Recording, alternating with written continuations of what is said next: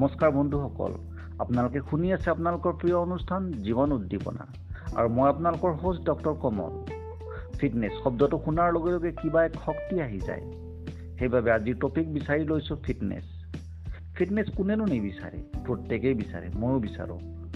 জীৱনৰ প্ৰতিটো স্তৰতে ফিটনেছ লাগে। ৰাতিপুৱা শুই উঠাৰ পৰা ৰাতি শোৱালৈ প্ৰতিটো কামে ভালদৰে কৰিবলৈ ফিটনেছৰ প্ৰয়োজন হয়। আপুনি যেতিয়া নিজকে ফিট অনুভৱ কৰিব ইয়াক বেলেগ কনফিডেঞ্চ আনি দিয়ে। এনে লাগে পৃথিৱীত অসম্ভৱ একো নাই। কোনো ফিট ব্যক্তিক দেখা পালে আপুনি ক'ব নোৱাৰাকৈ আকৰ্ষিত হৈ পৰে। অকল আপুনিয়ে নে আমি সকলো এট্ৰেক্ট হৈ যাওঁ। বিৰাট কোহলীয়ে যেতিয়া কোহলীয়ে যেতিয়া ক্ৰিকেট খেলি থাকিব আপুনি ক'ব নোৱাৰাকৈ কৈ দিয়ে ৱাহ কি কি ফিট। আৰু মই এনেকুৱা ফিট হ'ব পৰা এটেন কিন্তু আপুনিও ফিট হ'ব পাৰে। আপুনিও নিজকে ফিট কৰি ৰাখিব পাৰে। তাৰ বাবে লাগিব কিছু ইচ্ছা শক্তি সংকল্প। ই কোনো অসম্ভৱ কাম নহয় কি? কিন্তু ই এদিনতে সম্ভৱো নহয়। কোনো কামেই এদিনত সম্ভৱ নহয়। তাৰ প্ৰথম খোজ হ'ব আপুনি নিজকে এজন ফিট ব্যক্তিৰ ৰূপত ভিজুৱেলাইজ কৰা। আৰু এই এই কল্পনাৰ ব্যক্তিজন হ'বলৈ প্ৰতিদিনে এখোজ দুখোজকৈ আগবাঢ়ি যোৱা। কিন্তু আপুনি যদি কিছু কম সময়ৰ ভিতৰতে সেয়া হ'ব বিচাৰে আপুনি ডিপ্ৰেছ হৈ পৰিব। আপোনাৰ সংকল্প ভাঙি পৰিব। আপুনি বিচৰা মানুহজন হ'ব নোৱাৰিব। এই ফিট হোৱা গোটেই জাৰ্ণিটো আৰম্ভ কৰাৰ আগতে আপুনি কিছু কথা জানি লোৱা প্ৰয়োজন হ'ব। সেয়া হৈছে নলেজ নলেজ আপোনাক লাগিবই। আৰু এই নলেজ লাহে লাহে আপুনি বঢ়াই গৈ থাকিব লাগিব যাতে আপুনি এই ৰাস্তাত গৈ থাকিবলৈ উৎসাহিত অনুভৱ কৰে। এতিয়া আহিছোঁ আচল কথালৈ। ফিটনেছ কি? আমি জনা দৰকাৰ ফিটনেছ বুলিলে শাৰীৰিক সক্ষমতাৰ লগে লগে মানসিক আৰু আৱেগিক সক্ষমতাকো বুজো। এই স্বাস্থ্যৰ প্ৰতিটো দিশ physical mental emotional social spiritual এক কথাত ফিটনেছ হৈছে স্বাস্থ্যকৰ জীৱন নিৰ্বাহ শৈলী লাইফ ষ্টাইল আজি শাৰীৰিক ফিটনেছৰ বিষয়ে কিছু ক'ব বিচাৰিম। বৰ্তমান ফিটনেছক লৈ গোটেই বিশ্বতে সচেতনতাৰ বতাহ বলিছে। মানুহৰ মন মগজুটি ভালদৰে সোমাই পৰিছে। চহৰে নগৰে বিভিন্ন ফিটকেছ ফিটনেছ ক্লাব জিম যোগৰ অনুষ্ঠান অনুষ্ঠান প্ৰতিষ্ঠান অনলাইন ফিটনেছ ৱেবছাইট গঢ় উঠিছে। কিন্তু আমি জনা দৰকাৰ ফিটনেছ ডেভেলপ কৰিবলৈ দামী যোৱা, দামী জিমত যোৱাটো কোনো বাধ্যতামূলক নহয়। আমি ঘৰতেই কিছু সাধাৰণ সা সঁজুলি লৈ আমাৰ ফিটনেছ যাত্ৰা আৰম্ভ কৰিব পাৰোঁ। তাৰ বাবে প্ৰয়োজন হ'ব কিছু সাধাৰণ জ্ঞান আৰু অকণমান উৎসাহ। প্ৰথমে আমি ফিটনেছ কাককৈ আৰু ফিটনেছৰ বাবে ব্যায়াম কিয় অপৰিহাৰ্য তাক বুজ লওঁ। ব্যায়াম হৈছে ফিজিকেল এক্সাৰচাইজ যাক প্ৰণালীবদ্ধভাৱে অনুশীলন কৰা যায়। ই মূলতঃ চাৰি প্ৰকাৰ। সহনশীল এণ্ডিউৰেঞ্চ ই মূলতঃ এৰবিক এক্সাৰচাইজবোৰ যেনেকুৱা ধৰক দৌৰা জোৰেৰে খোজ কঢ়া জঁপিয়া নৃত্যৰ অনুশীলন কৰা কঠিন কোনো কঠিন কামত লিপ্ত হোৱা ই হাৰ্টবিট আৰু ৰেচপিৰেটৰী ৰেটটো বঢ়াই দিয়ে। নম্বৰ টু শক্তি। ষ্ট্ৰেংথ ই মাংসপেশীৰ শক্তি বৃদ্ধি কৰে। যেনেকুৱা গধুৰ বস্তু কঢ়িওৱা সৎখতি বগোৱা ভাৰোত্তোলন অৰ্থাৎ ৱেইট লিফটিং নিজৰ শৰীৰৰ শক্তিৰ বিপৰীতে নিজৰ শৰীৰটো মাচুল ব্যৱহাৰ কৰা। বিভিন্ন ধৰণৰ জিমত উপলব্ধ এক্সাৰচাইজবোৰ ইয়াত অন্তৰ্ভুক্ত হৈছে।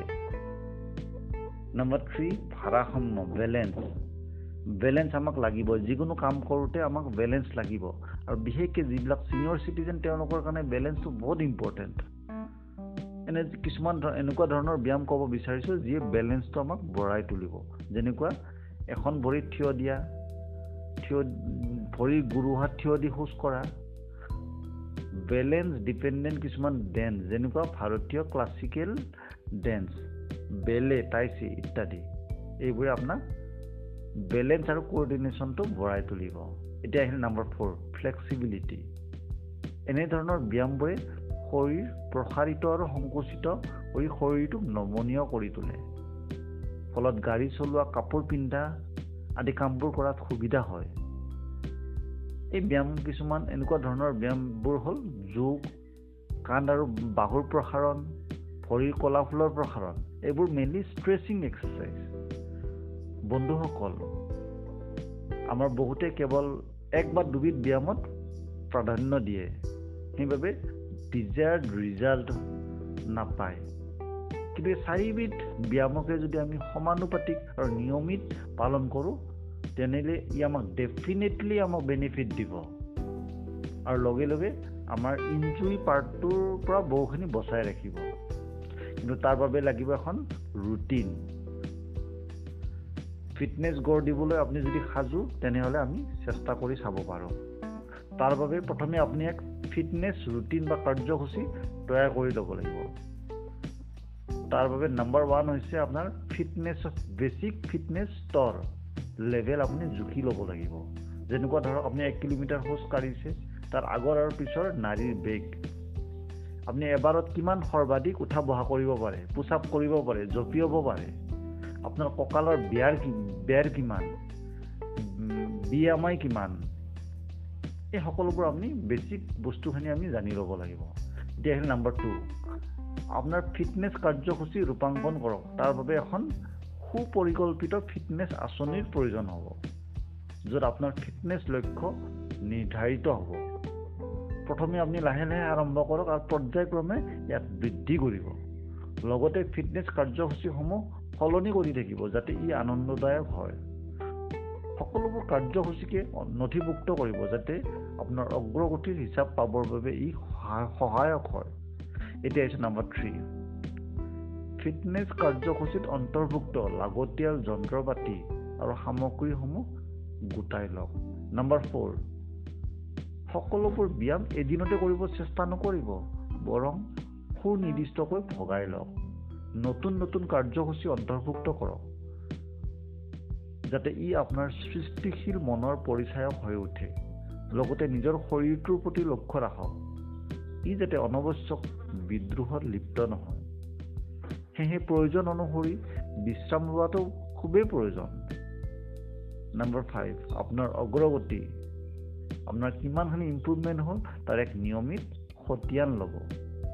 ই সন্তুষ্টদায়ক নহ'লে ছেটিছফেক্টৰী নহ'লে আপোনাৰ টাৰ্গেট পুনৰ নিৰ্ধাৰণ কৰিব।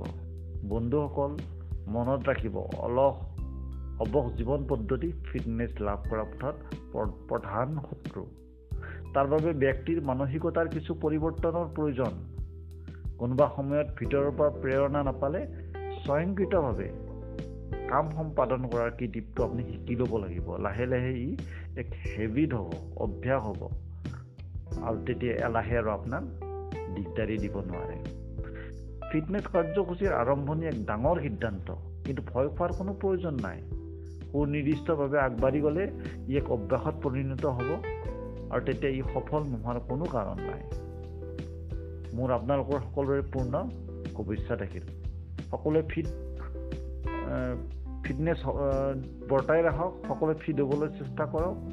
আজি আৰু ইমানতে সামৰণি মাৰিব বিচাৰিছোঁ। আপোনালোকৰ কিবা দিয়া পৰামৰ্শ থাকিলে নিশ্চয়কৈ আপোনালোকে কমেণ্ট ছেকশ্যনলৈ গৈ ক'ব পাৰে। ভাল লাগিলে লাইক এটা দিব।